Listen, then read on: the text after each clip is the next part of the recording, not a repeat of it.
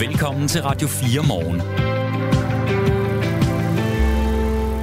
hvor der øh, tigger nyt ind fra statsministeriet. Der er simpelthen ændringer i regeringen. Breaking news. Det handler om øh, Jakob Ellemann Jensen. Han øh, udnævnes senere i dag til økonomiminister og fortsætter som visestatsminister. Han øh, har jo øh, indtil nu været visestatsminister og forsvarsminister, men nu øh, rykker de rundt på det. En øh, ministerrokade. Det betyder, at øh, Troels Lund Poulsen han bliver udnævnt til forsvarsminister. Det var jo også det, han var fungerende som under Jakob Ellemann Jensens sygemelding. Så altså, øh, Jakob Ellemann Jensen udnævnes senere i dag til økonomiminister, fortsætter som visestatsminister, og Troels Lund Poulsen rykker ind på pinden som økonomiminister. Og det var Nej, der, forsvarsminister, sorry. det er rigtigt, øh, Christina. Og det var der jo diskussioner og spekulationer i øh, under Jakob Ellemanns øh, sygemelding. Det her med, ville økonomiministeriet være et, om man så må sige, bedre ministerium for Jakob Ellemann, fordi han jo også skal på, øh, passe posten som visestatsminister og formand for Venstre. Og det er jo et parti, selvom vi her til morgen har kunne fortælle, at de går en lille smule frem i meningsmålinger, så er det jo et parti, der har, kan jeg vist godt sige, øh, brug for en stærk formand. Så den her øh, ændring er måske ikke kæmpe overraskende, men øh, vi forsøger selvfølgelig, og, øh, eller ikke vi forsøger, vi er sikre på, at vi øh, inden for næste times tid, vi er lige ved at ringe op til ham igen, øh, får Kasper Dahl på, som Mm. er politisk redaktør på Avisen Danmark, til at sætte nogle ord på, hvad det her betyder, og hvorfor de gør det her. Og det er også som om, der falder lidt brikker på plads. Ikke? Vi øh, har funderet lidt over, hvorfor Troels Lund Poulsen han stod på øh, landingsbanen ved øh, Skrydstrup og tog imod øh, præsident Zelensky, da han øh, landede i øh, søndags. Der blev øh, sagt, ja, han fik lige listet sig med, men nu tænker jeg, en 10 øre falder her. Der har været planer om, at han skulle ind på pinden som øh, forsvarsminister. Men det der jo selvfølgelig også er et godt spørgsmål, og et spørgsmål, vi skal stille til Kasper Dahl, det er, hvorfor kommer det nu? Altså, Ellemann kom tilbage til politik for tre uger siden, altså den 1. august. Og man tænker, at de har haft lang tid til at spekulere på, om det her var det øh, kloge, så det er jo selvfølgelig også et godt spørgsmål til Kasper Dahl, når vi får fat i ham. Hvorfor kommer det lige nu? Og det er jo heller ikke nogen helt lille post, han får, altså øh, på, som, øh, som økonomiminister Jakob Ellemann Jensen. Så arbejdsbyrden er også høj der, tænker jeg. Det er jeg helt sikker på, men det øh, flere analytikere har tak, øh, sagt tidligere, det er, at Forsvarsministeriet er sådan et ministerium med en masse drift. Og nu er der kommet et stort, stort nyt forsvarsforlig, så der bliver også masser af arbejde i at implementere det. Så måske er det det. Det finder vi ud af øh, lidt senere på morgenen, når vi får snakket med Kasper Dahl. Nu skal vi ud i rummet. Det her er Radio 4 morgen. En dansker, en japaner, en amerikaner og en russer går ind i en rumkapsel. Det lyder som starten på en vidighed, men det er et interessant stykke virkelighed, der udspiller sig på fredag, når raketten SpaceX-7 Crew Dragon letter fra Kennedy Space Center i Florida i USA. Det er bemærkelsesværdigt af mindst to grunde. Der er nemlig ikke nogen naturlov. Det er nemlig ikke nogen naturlov, at en dansker skal med på en 6 måneders udflugt til den internationale rumstation. Men det skal Andreas Mogensen altså, som er uddannet ingeniør og astronaut. Og så er det interessant, fordi kamphanerne i Rusland og USA begge er repræsenteret i den fire mand store besætning. Thomas Schumann er tidligere vært på Radio 4-programmet Den Nye Rumalder. I dag har han sin egen podcast, den hedder Schumanns Rum Rumraket, og nu er han med os i Radio 4 morgen. Godmorgen, Thomas Schumann. Ja, godmorgen. For uden uh, Andreas Mogensen og en japaner, så tæller besætningen altså også en amerikaner og en russer. Hvordan kan det overhovedet lade sig gøre med den uh, situation, vi har i verden lige nu? Man kan sige, at samarbejdet om den øh, internationale rumstation, den startede i helt andre tider end dem, vi, vi kender nu. Det var sådan øh, lige efter murens fald, øh, hvor der var stor forbrødring mellem øh, øst og vest. Og der blev man så enige om mellem øh, USA og, og Rusland at sammen lave den her rumstation, som vi i dag kender, kender som den internationale rumstation. Og den er så altså bygget på en måde, hvor at øh, de russiske dele er fuldstændig afgørende for, at, øh, at øh, rumstationen overhovedet kan fungere, og, og at de amerikanske dele også er fuldstændig afgørende for det. Altså det er simpelthen øh, sådan, at, øh, at de kan ikke fungere uden hinanden. Og derfor så har det samarbejde selv på trods af krigen i Ukraine og den øh, verdenssituation, vi står i nu, så er det fået lov at, at fortsætte. Sådan lidt under radaren, kan man sige. Det er et af de eneste øh, sådan, samarbejder, også hvis man ser på europæisk øh, rumfart. Øh, det er det eneste samarbejde, som, som stadig har fået lov at, at eksistere. Men det er simpelthen fordi, at øh, rumstationen er bygget på en måde, hvor man ikke bare kan hvad skal man sige, smide russerne ud, uden simpelthen, altså det vil betyde, at man så i virkeligheden skulle skrotte rumstationen, og øh, den internationale rumstation er Øh, så vidt jeg ved, øh, det dyreste øh, projekt, altså det dyreste bygningsprojekt, menneskeheden nogensinde har kastet sig ud i. Så det vil være en del at, at, at skulle smide væk af den grund. Nu er de så sammen på den her mission, men forleden øh, der hørte vi om en øh, russisk mission til månen, som så vist i øvrigt gik øh, sådan temmelig galt. Er, er der optræk til sådan et nyt rumkapløb? Altså hvis vi lige ser bort fra den her tur øh, på fredag, hvor de så sidder sammen, øh, russerne og amerikanerne, eller, eller hvor er vi på det der rumkapløb? Ja, det kan man godt øh, sige, at der er. Altså, fordi hvis vi ser hensides øh, den internationale rumstation, øh, man regner, NASA regner med, at øh, det håber de i hvert fald, at rumstationen skal fortsætte frem til 2030. Øh, russerne de har været sådan lidt ude en gang imellem at sige, ah, at vi trækker os måske en gang efter 2024. Så det er lidt usikkert, hvad skal man sige, hvor lang tid det samarbejde det kommer til at fortsætte. Men når vi så kommer ud, ud på den anden side, så er det næste mål inden for rumfarten lige nu, det er netop øh, månen, som øh, russerne jo forsøgt at lande en rumsonde på her for nylig, men øh, som, ikke, som de så ikke lykkedes med. Men der er øh, et meget, meget stort momentum, øh, særligt fra, fra NASA og fra Kinas side, om at sende øh, mennesker til månen og få en, en permanent øh, tilstedeværelse. Og der er altså ligesom i, i verden, øh, som, som verden ser ud nu, en, en kløft mellem øst og vest igen, hvor man i, i virkeligheden kan tale om sådan et rumkapløb, lidt som vi så der i, i 60'erne og 70'erne, altså hvor vi har øh, USA øh, med NASA øh, på den ene side, og så øh, særligt Kina på den anden side, som så samarbejder også, øh, også med Rusland.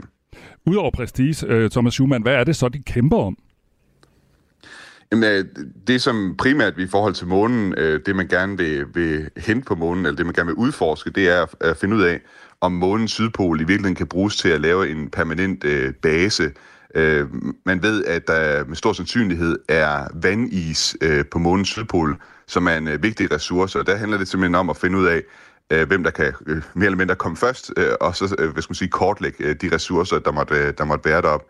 Derudover så handler øh, rummet i, i dag, altså det er jo en meget vigtig del af, hvad skal man sige, af vores basale infrastruktur, øhm, og for så vidt også øh, en, en industri, der vokser. Altså der er meget øh, data, vi hver dag får fra rummet i forhold til livet her på jorden, og hvor man kan sige, at stormagterne jo selvfølgelig også har en øh, interesse i at have så god data øh, som muligt øh, fra rummet. Lad os så vende øh, os mod den mission, som altså begynder efter planen øh, på, på, øh, på fredag. Øh, raketten med de fire astronauter her øh, letter efter planen 10 minutter i 10 på fredag og når øh, frem til rumstationen ISS knap et døgn senere. Og missionen den har fået navnet Hugin efter en af Odins ravne i den nordiske mytologi. Og det er altså danske Andreas Mogensens anden mission til rumstationen, og han har titel af pilot, altså en slags missionsleder. Hvad vil det sige? Jamen, det vil sige, at det er Andreas Mogensens øh, opgave at holde øje med, at den her Crew Dragon øh, rumkapsel, at den øh, flyver, som den skal. Øh, og i tilfælde, at den ikke gør det, så er det ligesom ham, der skal sørge for at, at tage rorpinden, om man vil, øh, ombord på den her øh, øh, rumkapsel. Øh, når jeg har talt med Andreas Mogensen øh, tidligere, øh, så har han sagt, at øh, sådan ret beskedent, at, øh, at rumskibet flyver jo mere, altså mere eller mindre sig selv. Øh, den er, det er et meget, meget automatiseret øh, system, så han kommer nok bare til at sidde og, og kigge på skærmen og, og hvad skal man sige, bekræfte, at øh, alt ser ud, som, øh, som det skal. Ved du også, hvordan han forholder sig til, at han skal sidde sammen med en russer? Øh, det forholder han sig nok meget sådan, øh, hvad skal man sige, af, afslappet til. Altså igen sådan nøgternt, at jamen, det her samarbejde, det er et, øh, et samarbejde, som, som lidt, lidt foregår af nødvendighed, at man, man samarbejder med, med russerne på rumstationen, og det man gjort det altid, og så må man ligesom øh, få det bedste øh, ud af det. Øh, jeg har talt med ham om at, at tidligere, at altså, det, har været, det har været noget, man har snakket om på rumstationen også, altså den her invasion af, af Ukraine, og det har også været noget, der har sådan, øh, ja, været, været anledning til, til diskussioner, men altså, det er ikke noget, som sådan øh, påvirker samarbejdet, der man forholdsvis øh, praktisk øh, anlagt omkring det.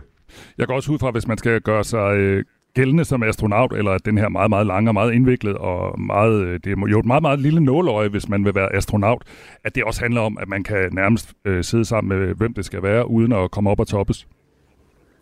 Ja, og de er, jo, de er jo fuldstændig afhængige af hinanden igen. Altså, det er, det er lidt ligesom at være ude til søs, kan man sige på en eller anden måde. Øh, og det kan godt være, at, at nogle af, af dem, øh, man sidder i båd med og så videre, de, øh, de kommer, at man kan være uenig i deres lands regering og så videre, hvad, hvad de foretager sig. Men, men er, det er altså også liv og død, det handler om, og øh, særligt også på rummet, der, eller i rummet, der kan jo ske altså, en, en ting fra, fra et sekund til det andet, hvor de ligesom alle sammen er nødt til at kunne samarbejde for at kunne, kunne redde hinandens liv.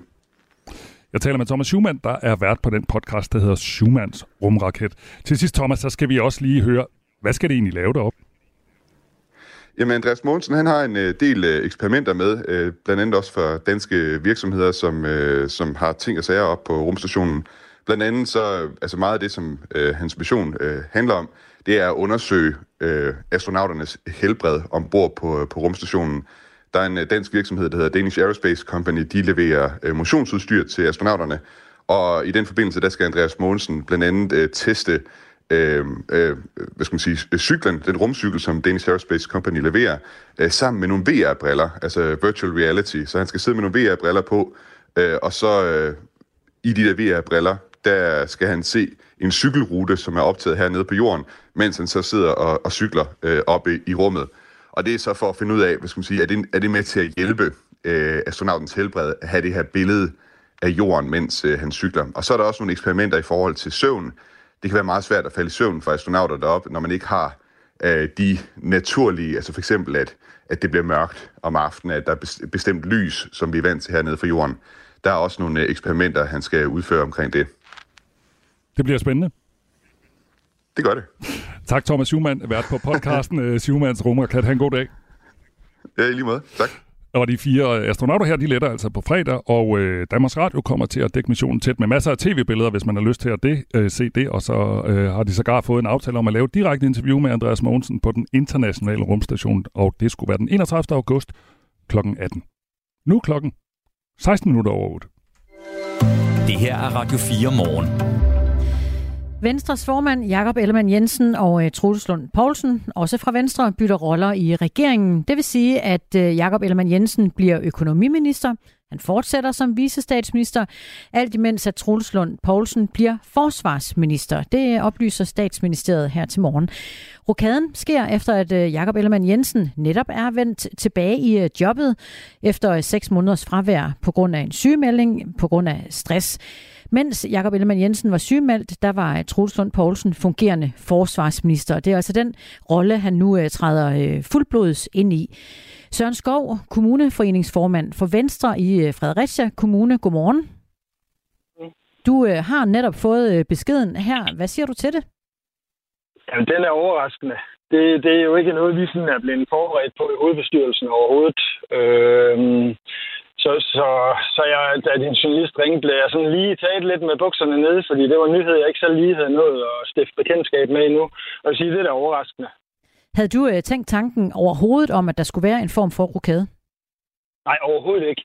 Jeg troede egentlig, da Jakob han vendte tilbage efter hans sygemelding, at så var det, øh, så var det også øh, for at øh, gå fuldstændig ind i Forsvarsministeriet igen. Så, så den tanke har jeg overhovedet ikke, øh, overhovedet ikke øh, haft. Hvilket signal sender det umiddelbart til øh, Venstres bagland, som du er en del af? Jeg synes, det er... Øh, uden at have fået en orientering nu, så synes jeg, det er et rodet billede, der lige pludselig dukker op, og jeg synes ikke, det er med til at skabe den ro og den øh, stabilitet, som vi har behov for. Altså, vi har, vi har en stor ambition og ønsker om at gå frem i meningsmålingerne, og hvis vi skal det, så skal vi jo være troværdige over for vælgerne. Og det vil sige, så skal vi i hvert fald have ro på bagsmækken. Er det rodet, fordi at øh, det kommer tre uger efter, at øh, Ellemann sådan set satte sig i øh, Forsvarsministeriets øh, fineste stol? Er det det, der er rodet? Ja, ja det, er, det er det, der roder af mit hoved, fordi Jakob Ellemann har været væk i et halvt år, så har vi måske haft øh, mulighederne for at lave den rokade der og tænke, at så, så er det sådan, vi gør. Fordi stor respekt for Troels, han har gjort det fantastisk som vikar i, øh, i Forsvarsministeriet. Så man kunne måske have tænkt tanken der, i stedet for, at så bygger vi rundt, og så tre uger senere, så skal vi til at lave en rokade igen. Det synes jeg er lidt rodet. Vi taler med Søren Skov, som er kommuneforeningsformand for Venstre i Fredericia Kommune, og vi taler om den her historie, der er kommet lige her for kvarters tid siden, altså at øh, Troels Lund Poulsen skal være forsvarsminister, og Jakob Ellemann Jensen skal være økonomiminister. Tror du, det her det kommer til at betyde noget for, hvem der sådan skal være formand for Venstre, altså på lidt længere sigt? Øh, nej, det tror jeg faktisk ikke, det gør. Det, det tror jeg...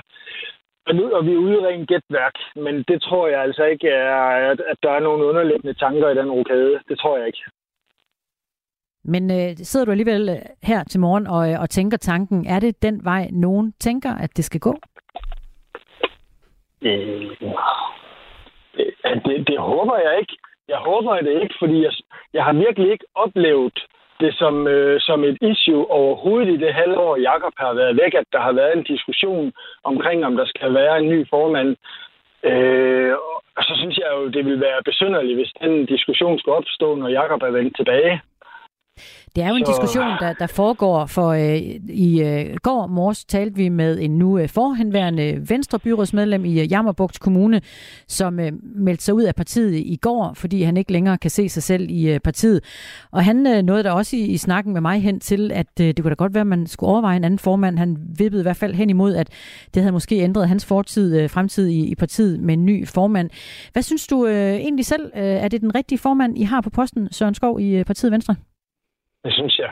Og jeg oplever, at det er en fuldstændig enig og opbakkende hovedbestyrelse. Jeg er godt klar over, at vi kan finde byrådsmedlemmer eller, eller andre bestyrelsesmedlemmer rundt i Danmark, der har en anden holdning, men, men, men os, der sådan skal tegne Venstre, jeg, jeg synes i, i hovedbestyrelsen, vi, vi bakker fuldstændig op om Jacob Ellemann. Øh, det gjorde vi under hans, før hans sygemelding, under hans sygemelding, og det har vi også gjort herefter, og det, det gør jeg også i dag. Men jeg vil glæde mig enormt meget til at høre bevæggrundene for, hvorfor den her rokade skal laves. Vi øh, ser nu, at øh, Jakob Elman Jensen træder ind på øh, posten som økonomiminister, og øh, Troels Lund Poulsen træder ind på posten som øh, forsvarsminister i en meget vigtig tid med, øh, med store øh, aftaler 10 år frem i tiden, hvad angår øh, fremtiden. Kan I i Venstre have en, øh, en formand, som ikke sidder på den meget vigtige post som forsvarsminister? Altså, det kan vi sagtens. Det, øh, jamen, jamen det, det kan vi sagtens. Øh, om det er Jakob Ellemann eller Troels Lund, det er jo... Det, det, jeg, jeg er rigtig glad for, at det er Venstre, der har forsvarsministerposten med alle de vigtige beslutninger, der skal tages, og Troels Lund Poulsen er en fuld funktionsdygtig forsvarsminister, hvad det angår. Og det er øh, Søren Skov, kommuneforeningsformand for øh, Venstre i Fredericia Kommune, som var med os her oven på øh, morgens store nyhed om, at Venstres formand, Jakob Ellemann Jensen og Troels Lund Poulsen har byttet roller i regeringen. Og tak for det, Søren. Velbekomme. Det her er Radio 4 morgen. Og nu øh, til en nyhed om en organisation, der hvert år modtager millioner af kroner i støtte fra det offentlige, som igen igen får kritik. Det handler om organisationen Gadejuristen, der i øh, overvis til synlædende, eller har, ikke bare til synlædende, men i øh, overvis har hyret et privat rengøringsfirma, der er ejet og drevet af et fremtrædende bestyrelsesmedlem i ja, gadejuristen.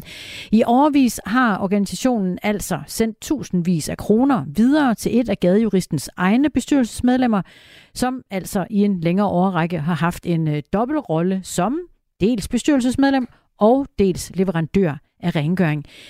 Den her sag kommer efter, at vi her på Radio 4 tidligere har øh, fortalt om Moderaternes folketingsmedlem Nana Godfredsen, som øh, er en øh, stor del af organisationen Gadejuristen. Og øh, hun og organisationen har været ramt af flere sager gennem hendes tid som daglig leder af Gadejuristen. Og nu øh, kommer der så nyheden frem om denne dobbeltrolle. Det er et problem, mener du, Jesper Olsen. Velkommen til. Tak skal du have. Formand for Transparency International Danmark, der arbejder for at bekæmpe korruption og magtmisbrug. Vi hører et bestyrelsesmedlem, der samtidig får øh, betaling for at gøre rent i samme organisation, som hun er bestyrelsesmedlem af. Er det et problem? Ja, det er det. Og øh, det er det, fordi når man er medlem af bestyrelsen, så har man jo opgaven med at skulle have indseende i den daglige drift, være med til at træffe de prioriteringsbeslutninger, der skal tage, sørge for, at økonomien er i orden, sørge for at hjælpe lederen, at øh, der bliver truffet de rigtige beslutninger. Og når man så lige pludselig så selv også er en del af den daglige drift, og selv øh, tjener penge, så har man ikke den der armslængde, som man er nødsaget til at skulle have til, til den daglige drift, og derfor er det her et problem. Det drejer sig om øh, bestyrelsesmedlem med Marianne Skov, der, der fortæller til Radio 4, at hun i øh, omkring 13 år har fået penge for at gøre rent i øh, gadejuristens lokaler. Hun øh, fortæller også, at hun først blev medlem af bestyrelsen, efter at hun var begyndt at modtage penge for rengøringen, og det samme bliver bekræftet fra et andet bestyrelsesmedlem. Det er øh, uvist, hvad hun så egentlig har tjent på opgaven med at gøre rent, men i gadejuristens egne regnskaber, der kan man læse sig frem til, at der de øh, senere de seneste fem år er blevet betalt 357.000 kroner til en post, der hedder rengøring. Og Marianne Skov bekræfter selv i et interview med øh, os på Radio 4, at hun har haft den her dobbeltrolle. Lad os lige prøve at høre. Jeg vil sige, at stadigvæk øh, kører de væsentligt lave, lavere i løn, end hvad jeg ellers modtager i mit firma. Væsentligt. Okay. Jeg vil sige under halvdelen. Okay. Så det er stadigvæk nærmest halvvejs frivilligt. Har det, ikke, har det ikke været sådan en mærkelig rolle at sidde i både som bestyrelse, der skal godkende regnskaber måske, er, og, og så samtidig så sender du regninger ind, som den bestyrelse, som du har siddet i eller været formand for, skal godkende i sidste ende? Øh, nej, fordi at, øh, jeg laver jo et stykke arbejde derinde, det kan jo ses. Øh, nej, det har jeg ikke synes. Øh, hvis det ikke var mig, så var det måske en anden. Og det øh, fortæller Marianne Skov i et interview her med Radio 4. Hun fortæller altså, at hun øh, har taget øh, langt mindre i betaling, end hun normalvis gør for at lave rengøring. Og hun kalder det sådan halvvejs frivilligt arbejde. Og hun sad så i øvrigt ikke i bestyrelsen, da det blev besluttet, at hun skulle arbejde og få løn gør rent ved gadejuristen. Jesper Olsen, formand for Transparency International Danmark, der arbejder for at bekæmpe korruption og magtmisbrug. Hvad er så problemet på baggrund af det, vi hører fra Marianne Skov? Jeg tror sådan set, at den her sag er startet, og det her relation om, at hun skulle gøre rent, jeg tror, at den er startet på den helt rigtige måde. Nemlig, at hun har hjulpet en organisation, som hun gerne ville støtte. Så vidt jeg har forstået på, på nogle af de oplysninger, jeg har fået til at starte med, fik hun ikke noget for det, og så fik hun noget mere for det. Vi skal huske, når man starter sådan et initiativ som gadejuristen, og hvad er gadejuristen? Det er altså en juridisk tjeneste, der skal hjælpe hjemløse, øh, hvad det hedder, for eksempel her i København, øh, med de øh, juridiske og mange juridiske problemer, som de har. Så det er jo sådan set en, en organisation med et super godt formål. Så når man starter sådan noget op, så starter man jo op fra scratch, og så får man jo hjælp af, af venner og bekendte. Og på et tidspunkt, øh, så hvad det hedder, er, er hun jo så også en af dem, som kommer ind i bestyrelsen. Og på det tidspunkt, hvor man altså kommer ind i bestyrelsen og kommer med ind sammen med, at der er blevet truffet en beslutning om, at man havde rengøringsopgaven, der er det, man skal sætte sig ned, lægge en plan for, hvordan er det, at man kommer ud af den her opgave. Jeg tror, det er helt rigtigt, når hun siger, at hun her får øh, væsentligt øh, lavere øh, takst, end, øh, end, end hun ville få for andre opgaver, men det ændrer bare ikke på, at hun tjener penge øh, på det, og derfor skal man lægge en plan for, hvordan man kommer ud af det. Er det i princippet lige meget, om det er en høj eller lav løn, man får, øh, alene det, at man har en dobbeltrolle? Ja, det er dobbeltrollen, som der er øh, det interessante her. Man må jo selvfølgelig gerne modtage honorar som medlem af en bestyrelse. Det at sidde i en bestyrelse er faktisk stort arbejde. Det er ikke bare sådan et spørgsmål om, at man kommer ind en gang om måneden, åbner kuverten og så skriver nogle regnskaber under. Hvis man har en bestyrelse, og det tror jeg er rigtig klogt i sådan nogle organisationer, øh, som, øh, som gadejuristen her, øh, du er i dit oplæg til den her øh, historie, så fortæller du også om, at der har været rigtig mange andre historier.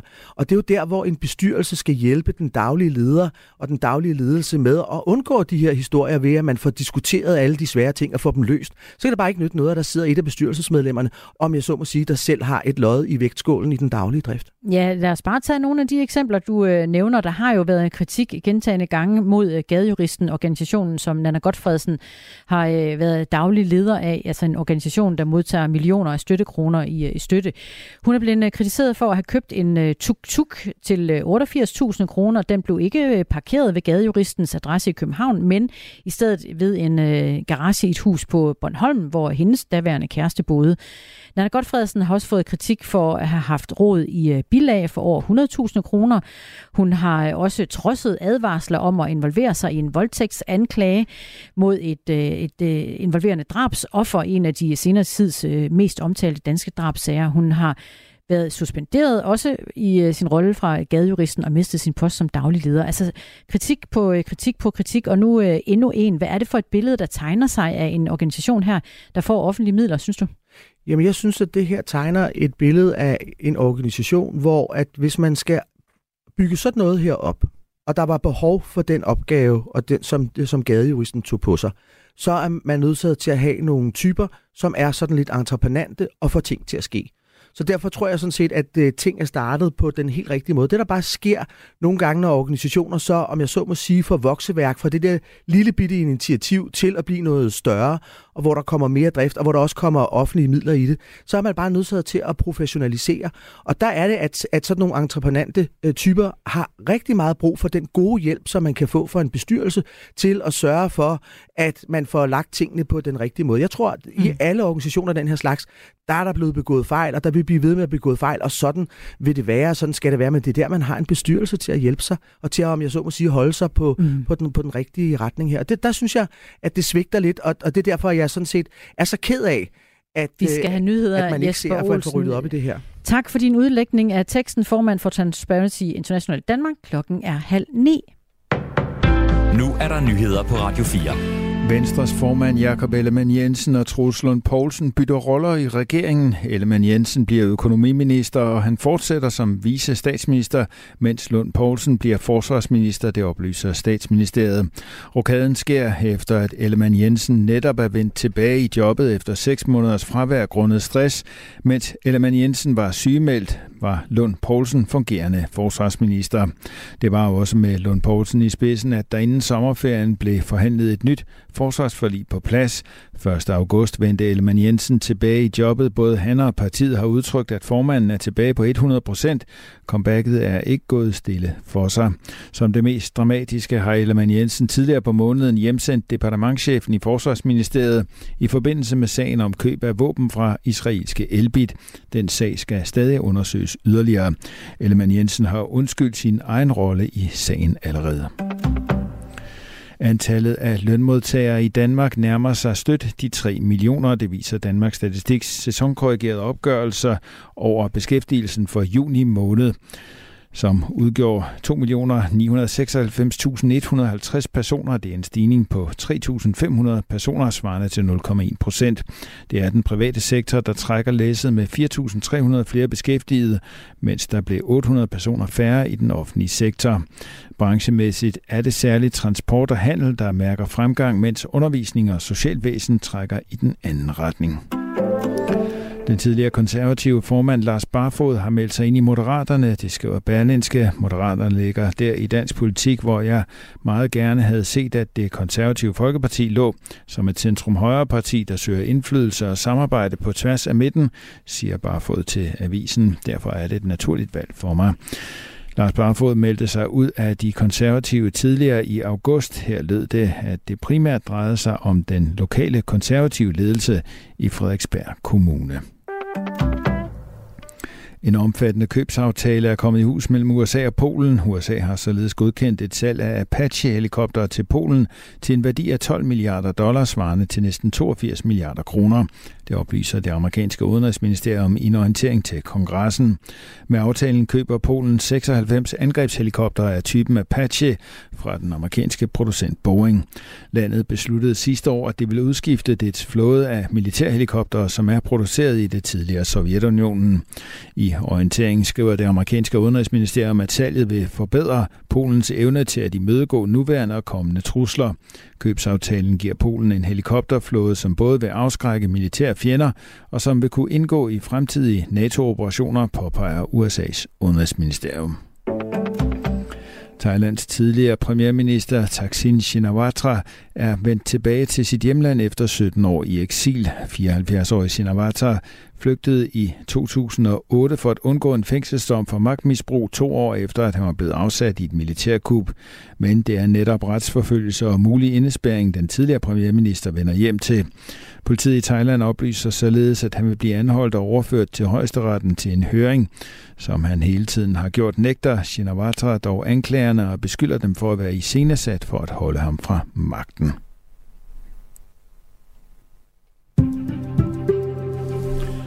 Først på dagen skyde flere steder, men ellers nogen sol og efterhånden byer, især i Jylland. Vi får temperaturer i dag op mellem 18 og 23 grader. Du lytter til Radio 4 morgen. Husk, du kan skrive en sms til os på 1424. Tirsdag morgen er det, og øh, klokken er øh, fire minutter over halv ni på en øh, dag, der tegner til at blive en øh, ganske interessant dag i øh, dansk politik. Det gør det nemlig, fordi Jakob Ellemann Jensen og Troels Lund Poulsen bytter roller i regeringen. Venstres formand, Jakob Ellemann Jensen, bliver økonomiminister, og han fortsætter som visestatsminister, mens Troels Lund Poulsen bliver forsvarsminister. Og ikke nok med det, så præsenterer enhedslisten øh, senere i dag en ny politisk ordfører. Vi prøver at fagne det hele, og det gør vi i selskab med Kasper Dahl, politisk redaktør på Avisen Danmark. Godmorgen. Godmorgen. Lad os lige starte med Venstre, Kasper. Øh, hvilket signal sender denne her øh, byttehandel? Jamen, den sender jo et øh, signal om, at øh, Jacob Ellermann han har brugt de seneste øh, tre ugers tid på at se, om han kunne forene de tre kasketter, han jo i virkeligheden er blevet udstyret med, nemlig øh, formand for Venstre, visestatsminister og forsvarsminister øh, under sig selv. Og det er altså tre øh, ekstremt krævende job, som, øh, som i virkeligheden godt kunne være øh, fuldtidsjob hver for sig. Og der har han altså øh, vurderet, at øh, han ikke længere kan passe øh, den kasket, der hedder at være forsvarsminister. Det er jo også den, der er øh, nemmest bedst at komme af med, kan man sige, og at han så gerne vil bytte med, øh, med økonomiminister øh, Troels Lund Poulsen. Og det er jo i virkeligheden et, øh, et skifte, som giver rigtig god mening. Det var der jo allerede snak om, øh, hvorfor Jacob Ellemann han, øh, han øh, valgte med hjertet, som han sagde det dengang regeringen blev dannet, og tog posten som forsvarsminister til sig selv, i stedet for at tage det meget, meget, meget nemmere økonomiministerium, hvor han i virkeligheden har, øh, har meget bedre tid til at passe Venstres interesser i regeringen og også passe sit parti. For en halv times tid siden, der talte vi med øh, Søren Skov, som er kommuneformand i Fredericia Kommune, altså for Venstre, og han synes, det her forløb fremstod lidt rodet.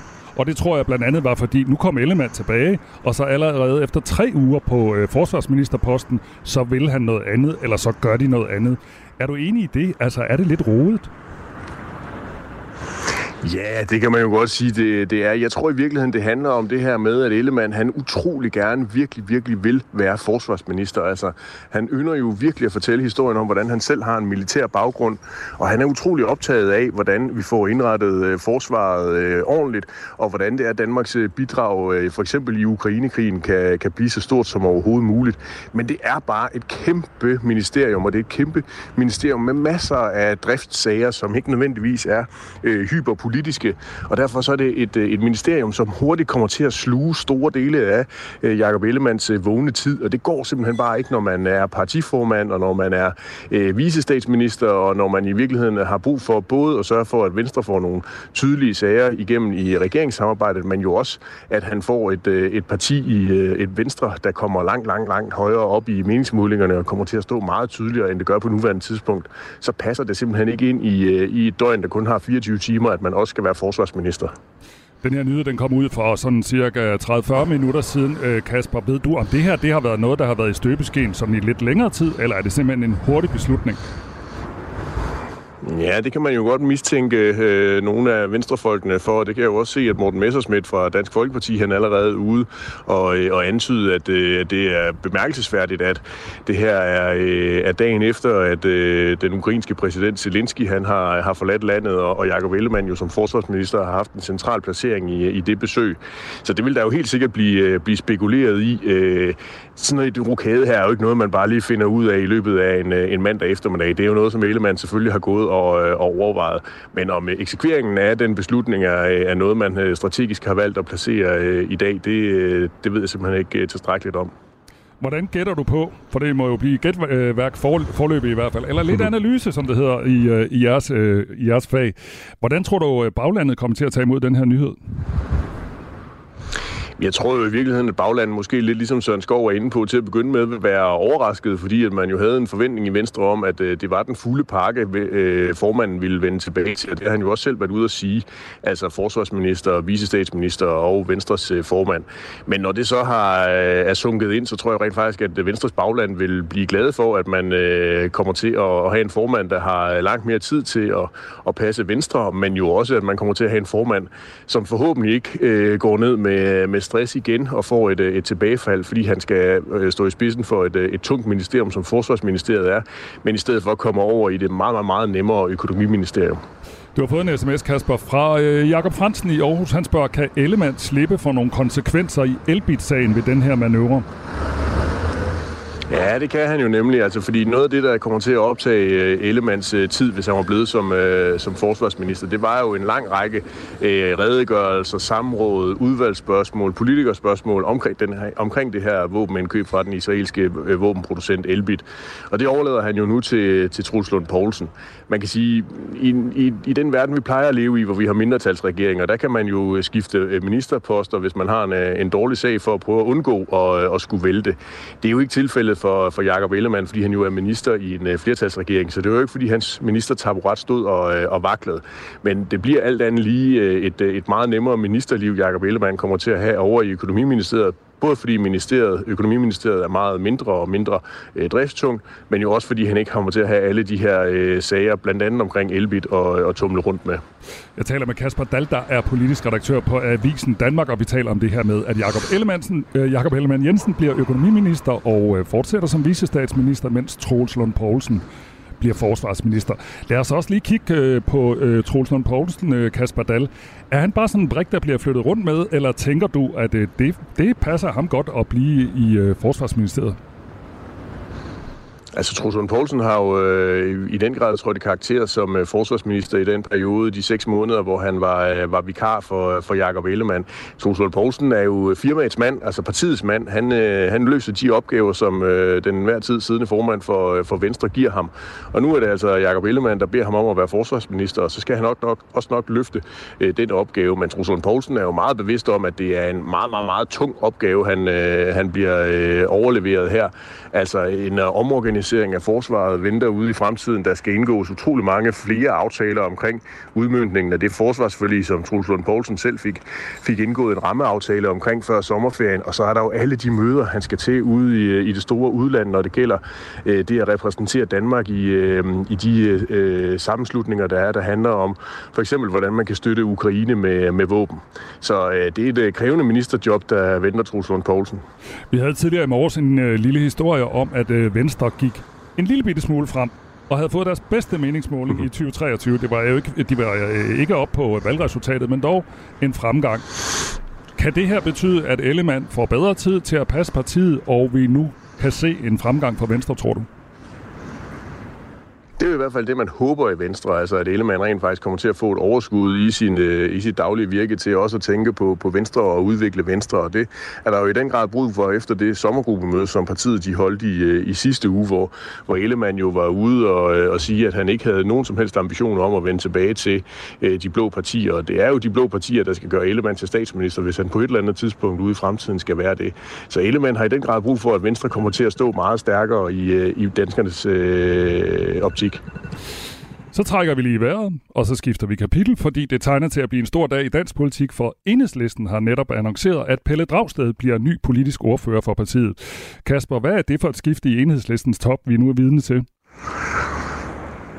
Jamen, det bliver jo, øh, hvad hedder det, sådan noget Super Tuesday i, øh, i dansk politik. Det har i hvert fald været den hektiske morgen her. Øh, jamen, altså, Pelle Dragsted er jo det oplagte valg for, øh, for enhedslisten. Øh, partiet blev reduceret ved, ved folketingsvalget, og der har jo ikke været så mange andre sådan kvalificerede kandidater til at tage over efter øh, Maja Villassen. Maja Villadsen er jo øh, gravid på nuværende tidspunkt, altså den nuværende politiske ordfører, og venter sig at gå på barsel inden for, for en måned eller to. Og, øh, og hun vil jo heller ikke kunne øh, fortsætte som politisk øh, ordfører for partiet, fordi hun øh, ikke kan være en del af, af partiet i den næste valgperiode, fordi der bliver hun roteret ud i deres rotationsprincip. Så enhedslisten stod foran at skulle skifte øh, politisk ordfører. Det vælger man så at gøre nu. Og Pelle Dragsted er øh, det oplagte valg. Hvad er det så for en, øh, en politisk ordfører og øh, sådan en hovedperson, eller hvad vi skal kalde det for enhedslisten? Fordi det parti, der er det jo ligesom den politiske ordfører, der tegner partiet ud af til. Hvad, hvad er det, enhedslistens vælgere og sympatisører får med Pelle Dragsted? Jamen, der får man i virkeligheden en øh, ideologisk pragmatiker, Altså, Pelle Dragsted er jo klart en af de mest ideologiske folketingsmedlemmer, som øh, enhedslisten har. Han, øh, han har en meget ideologisk tilgang sit, til sit øh, politiske virke, men samtidig har han også den side, der handler om, at øh, enhedslisten skal ind og, øh, og have så meget indflydelse som overhovedet muligt. Det var noget nemmere i øh, seneste valgperiode, hvor under den socialdemokratiske etpartiregering, hvor enhedslisten jo rent faktisk var inde og, og tage ganske meget ansvar i, i mange svære politiske øh, aftaler. Det er nok lidt sværere for, øh, for Pelle Dragsted Dragsted og enhedslisten her i, i den nye politiske virkelighed med en bred midterregering, hvor enhedslisten jo skal finde ud af, om de vil fortsætte deres pragmatiske linje og prøve at komme med ind og, og være en del af nogle politiske aftaler, eller om man vil holde en linje, der handler om at være så hård øh, en opposition på venstrefløjen som overhovedet muligt, og prøve at se, om man kan maksimere sin, øh, sin stemmeandel der. Øhm, indtil videre ser det jo ikke alt for godt ud for enhedslisten, fordi det er ikke dem, der har nyt godt af, at øh, Socialdemokratiet de har, har blødt vælgere i, i den tid, de har været en del af, af SVM-regeringsprojektet. Der er det primært SF, der er vokset i meningsmålingerne. Men, men Pelle Dragsted skal i hvert fald ind og finde ud af, hvordan han vil lægge det sådan strategiske snit på enhedslisten i, øh, i den her valgperiode. Og er det sådan en, øh, et enigt enhedslisten, der er enige om, at øh, han skal være frontfigur, eller har der været ballade forud for den beslutning? Det er ikke mit indtryk, når jeg har talt med folk fra enhedslisten, at der har været den helt store ballade omkring øh, det. Det var der jo lidt muren i krone omkring, øh, hvorvidt at øh, Maj Villadsen var den rigtige kandidat, da man valgte hende, og der skulle angiveligt dengang have været, øh, have været et, øh, et internt øh, kampvalg omkring øh, positionen. Mit indtryk er, at, øh, at der her i, i valget af Pelle Dragsted er mere enstemmighed omkring det. Får du en travl dag i dag? Det er der rigtig meget, der godt kunne tyde på. God arbejdsløst. Jo, tak lige måde. Og I hørte altså Kasper Dalt, som er politisk redaktør på Avisen Danmark. På Radio 4 får du hver uge nyt fra de aktuelle politiske dagsordner. Forsvaret bløder personel som aldrig før. Vi taler med dem, der mærker konsekvenserne. Jamen, det står rigtig alvorligt til. Hver fjerde kollega mangler. Og søger svar hos magthaverne. Jeg tror bestemt ikke, der er en oplevelse i vores øh, kreds af allierede om, at vi har svigtet. Bliv opdateret på dansk politik alle hverdage kl. 11.05 Venstres formand Jakob Ellemann Jensen og uh, Troels Lund Poulsen, også fra Venstre, bytter roller i uh, regeringen. Det betyder altså, at Jakob Ellemann Jensen bliver økonomiminister, og uh, Troels Lund Poulsen bliver forsvarsminister. Anders G. Christensen, tidligere borgmester i Favrskov Kommune og uh, gruppeformand for Venstre i Region Midtjylland, medlem af hovedbestyrelsen i Venstre. Godmorgen. Godmorgen. Hvorfor er din uh, formand i Venstre ikke den rigtige til at fortsætte på posten i, som forsvarsminister? Øh, jeg synes, det er et øh, meget fornuftigt bytte, at øh, Troels Lund og, og Jakob Ellemann gør i at, og, at bytte post, sådan at Jakob Ellemann bliver økonomiminister og Troels fortsætter eller, eller overtager, genovertager forsvarsministeriet i forhold til de opgaver, der ligger foran med ny 2030-plan og øh, sundhedsstrukturkommission osv. Så, videre. så jeg synes, det er meget fornuftigt, at, at øh, de bytter. Ligger fornuften i, at øh, Venstres formand, Jakob Ellemann Jensen, han lige er kommet tilbage efter en stresssygemelding? Det ved jeg ikke. Øh, fornuften ligger i, at øh, det er også vigtigt, at Venstre har en øh, formand, som udover at, at passe et ministerembede, også jo har en lang række opgave med dels at, at profilere Venstre, men også uh, i uh, organisationsmæssige uh, henseender uh, komme ud og snakke med, med baglandet med videre. Så jeg synes, det er, det er meget fornuftigt, det uh, bytte, de har Og jeg har er ikke et sekund i tvivl om, at det har været hårdt arbejde at passe tre forskellige kasketter på én gang. Men det vidste de og I vel egentlig også, da han vendte tilbage efter sin sygemelding. Hvorfor sker det lige nu? Det skal jeg ikke kunne sige. Altså, jeg hvad kan man sige, havde sådan set håbet, at når øh, da hvad kan man sige, Jacob kom tilbage, at han så havde, havde lavet Troels fortsætte i Forsvarsministeriet, og så havde overtaget øh, Økonomiministeriet. Øh, det synes jeg har været en rigtig god løsning. Det sker så nu, og det synes jeg, det er rigtig fint.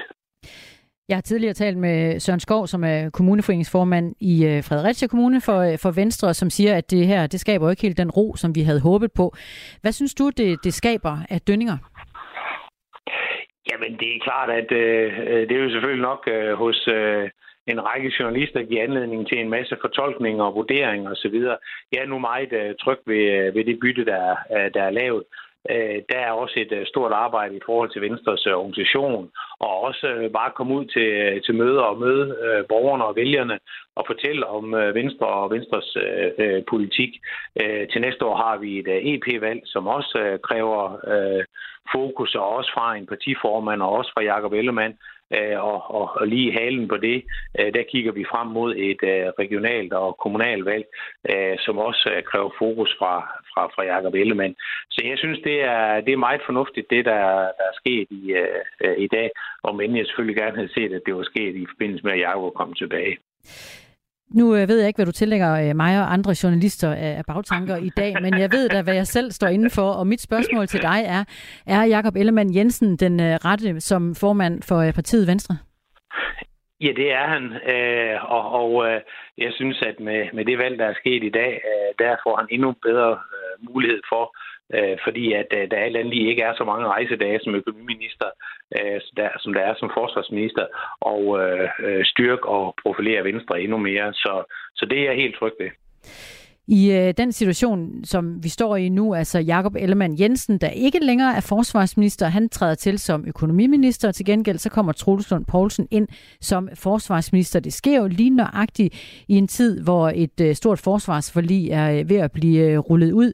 Hvad betyder det for, øh, for den del af opgaven, altså at skifte øh, minister lige i vadstedet? Ja, det tror jeg ikke. Det betyder så meget. Troels har været med øh, hele vejen igennem og har også tidligere været uh, forsvarsordfører for Venstre.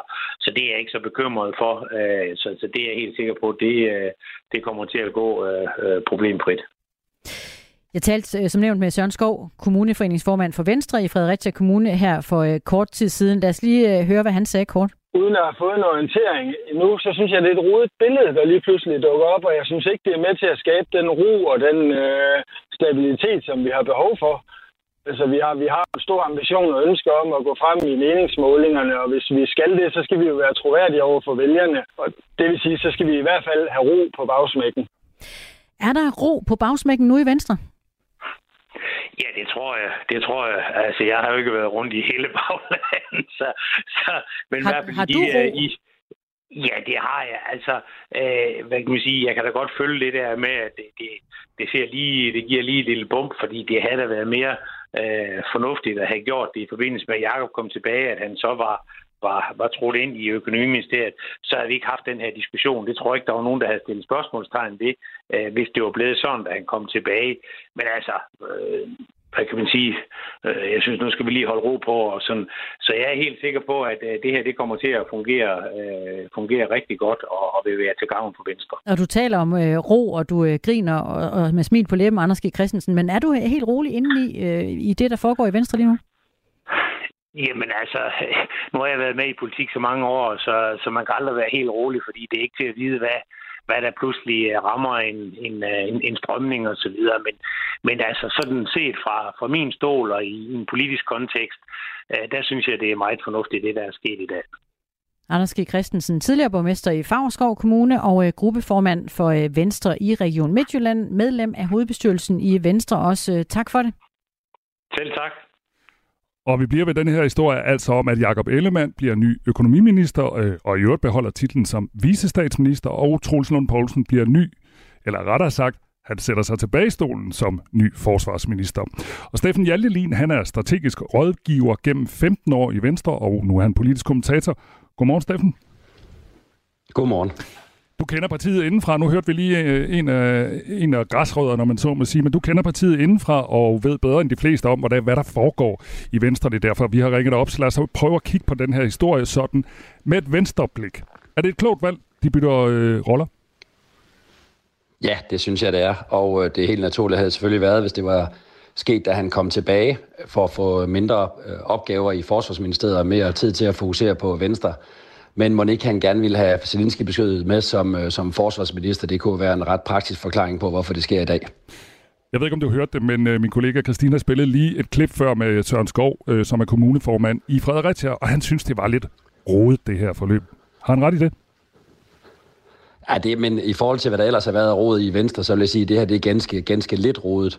Øhm, og, og i virkeligheden en, jo lidt, og det er også lidt, lidt en, øhm, en detalje, i, ja, i, når man gør rodet op.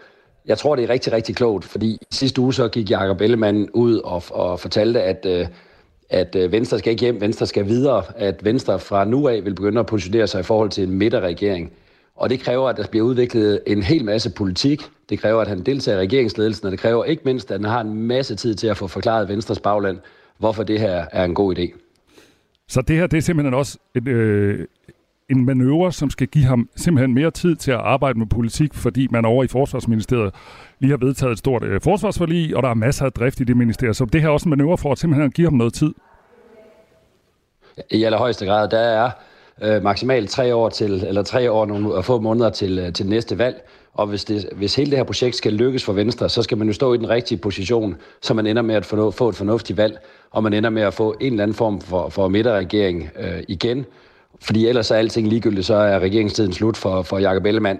Og det lykkes man ikke bedst med i et travlt forsvarsministerium. Det lykkes man med, hvis man kan dedikere hele sin tid. Og i den her scene er økonomiministeriet sådan set et fint lille ministerium, fordi det handler netop om finanslov, om konjunkturovervågning og så videre. Et lille praktisk ministerium, som gør, at man, at man kan sine tal ret godt. Så, så øh, det er et glimrende udgangspunkt øh, for at, kunne, øh, for at kunne sætte retningen for Venstre og udvikle noget egentlig politik. Hvordan tror du egentlig, Venstres bagland vil modtage den her øh, nyhed om den her lille rokade? Jamen, jeg tror, at alle vil synes, det er klogt. Og så, det skal jo også lige siges, at Troels Lund har gjort det fremragende. Han er jo totalt driftsikker og kommer til at, kommer til at være en rigtig dygtig resortminister til at få udmyndtet den, øh, det forsvarsforlig, der er blevet lavet. Så det er man helt tryg ved, og jeg tror, at, øh, at øh, de fleste i baglandet, de vil sætte pris på, at formanden har tid til at være formand. Da Troels Lund Poulsen satte sig i forsvarsministerstolen, der var det jo sådan, at den fortællingen fra analytikere og andre kloge folk var jo sådan lidt, nå, men han er sådan en driftig herre, og han forstår at drive politik, men han har jo aldrig været nogen folkeforfører, altså Troels Lund Poulsen. Og så kom der faktisk sådan nogle af de her popularitetsmålinger, der viste, at danskerne egentlig meget godt kunne lide Troels Lund Poulsen. Og nu får han så Forsvarsministeriet, hvor der skal laves rigtig, rigtig meget politik her de kommende måneder med et forsvarsforlig, der skal udmyndtes osv. Er der en fare for, at han ligesom kan overshine øh, med et godt dansk udtryk øh, sin formand? Ja, det var lige før, man fik tanken, ikke? Jeg var lige ved at få morgenkrydderen gal i halsen, da jeg så, at Troels Lund han toppede en liste over de mest populære ministre. Ikke fordi han ikke altid har været en af de dygtigste ministre, men han, han er jo det, ikke, som, som du siger, ikke nogen folkeforfører. Jeg tror, at det er en begrænset risiko. Dagen eller ugen efter, øh, man så den måling, så var der en, en måling blandt Venstres medlemmer, og folk, der havde stemt Venstre om, hvem de så som den bedst mulige formand for Venstre. Og der tror jeg, han var nede på 3-4 procent mod 20 procent til Jakob Ellemann og 17 procent til Stephanie Lose. Så, så folk, jeg tror, at der er en generel respekt i befolkningen for, at han kan nøjagtigt det, og ikke nogen risiko for, at det kommer til at overshine øh, Jakob Ellemann som potentiel formand for Venstre. Hvordan vurderer du så egentlig Jakob Ellemanns styrke lige nu? Jamen, jeg synes, at altså, vi, vi mangler at se hans styrke, udover at han ser ud til at have trænet gevaldigt i fitness i sin øh, sygeperiode, og ser ud til at være fysisk stærk, så mangler vi jo at se hans styrke lige nu. Men jeg, jeg, jeg synes, han har, han har sat sig så godt, som han kunne efter han kom tilbage i lyset af alting. Jeg synes, at det var en stor udmelding i sidste uge, hvor, hvor han flytter Venstre et nyt sted hen. Vi må se, hvordan det kommer til at gå. Og så er det her også en, øh, en, klog, en klog udmelding for at få øh, kræfter nok, for at have kræfter nok og tid nok til at øh, få Venstre sat sig frem mod næste valg. Så jeg synes indtil nu, han har gjort det så godt, som han men egentlig kunne forvente, han kunne. Det betyder bestemt ikke det over. Og hvis ikke øh, øh, de her meningsmålinger, som, som alle siger, de ikke går op i, hvis ikke de begynder at forbedre sig i løbet af efteråret, så vil der komme en massiv pres. Men lige nu, så ser det sådan set helt fornuftigt ud. Og lad os lige tage de her meningsmålinger øh, til sidst. Altså i den seneste måling hos Voxmeter, der står partiet til 12,3 procent af stemmerne, og det er faktisk den bedste måling, øh, Venstre har haft i hele 2023. Der er dog et øh, stykke op til valgresultatet fra november sidste år, hvor Venstres opbakning lød på 13,3 øh, og hvilket var partiets øh, værste valg i 34 år. Men man skal også huske, at Venstre blev nærmest smittet op i tre partier. Tror du det her, altså at øh, Ellemann kommer i økonomiministeriet, øh, kommer til at betyde noget i forhold til, hvordan meningsmålingerne kommer til at se ud? Ikke på kort sigt. Ikke selve det at være i økonomiministeriet. Det øh, skulle være den afledte effekt i givet fald, at det lykkes at, at komme med noget ny politik. Der er faktisk sket ret stort, eller kommer til at ske et ret stort skifte for Venstre, fordi Venstre har som blot parti været ansvarlig for at skulle være de midterste af de blå partier. Hele tiden vælger over midten. Det har jeg selv været med til i overvis så skulle være det midterste af de, øh, af de blå. Og nu skifter positionen så til, at man skal være det mest blå i en midterregering. Og det er også derfor, at Ellemann er ude og sige, at nu er der rent faktisk mulighed for at komme ud med nogle mere liberale øh, synspunkter, fordi man ikke ligesom er øh, ansvarlig for den anden del, der bliver varetaget af Socialdemokratiet. Men hvor meget man får lov til i den sammenhæng, hvor meget, hvor, det er jo begrænset, hvor mange topskattelettelser kan gå ud og love, før øh, der bliver, det bliver lidt stramt over med Mette Frederiksen. Så der er en hel masse, de skal øve sig i der. Hvordan er man det mest blå midterparti, og hvordan pokker gør man det klar til at kunne gå på, til valg på det? det, er, det er en kæmpe opgave. Sådan sagde Steffen Hjaltelin, som altså har været strategisk rådgiver i Venstre gennem 15 år, og nu er politisk øh, kommentator. Tak skal du have, Steffen. Det var så lidt. Og det er altså en stor politisk dag. Øh, det er også i dag, at øh, enhedslisten får ny, øh, ny frontfigur, fordi Maja Villersen skal på barsel, og det bliver Pelle Dragsted. Og du har også endnu en politisk nyhed, Christina. Ja, for nu øh, fortæller tidligere konservativ formand Lars Barfod, at han har meldt sig ind i Moderaterne. Det er Berlinske, der kan fortælle det. Han øh, meldte sig jo ellers ud af de øh, konservative tidligere i august. Det gjorde han øh, samtidig med, at hans hustru, Helle Schelle, meldte sig ud i et øh, opgør med den konservative ledelse i Frederiksberg Kommune. Men øh, nu øh, kommer Lars Barfod tilbage som politiker. Han var lige væk et par uger, eller en enkelt, og nu øh, i, øh, i Moderaterne. Det, øh, det handler om, at han øh, kan se, så der siger han, at Moderaterne ligger der i dansk politik, hvor jeg meget gerne havde set, at det konservative Folkeparti lå som et centrum højre parti. Og vi er ved at være færdige her for Radio 4 morgen, men lad os lige gøre lidt reklame for Ring til Radio 4, der kommer efter nyhederne klokken 9. Og øh, de stiller en af de spørgsmål, som vi også har stillet her til morgen. Er det den rigtige beslutning at sende kampfly til Ukraine for at hjælpe dem i kampen mod Rusland? Det er altså Ring til Radio 4 905. Det var Michael Robach og Christina Ankerhus her. Klokken er 9. Du har lyttet til en podcast fra Radio 4. Find flere episoder i vores app, eller der, hvor du lytter til podcast.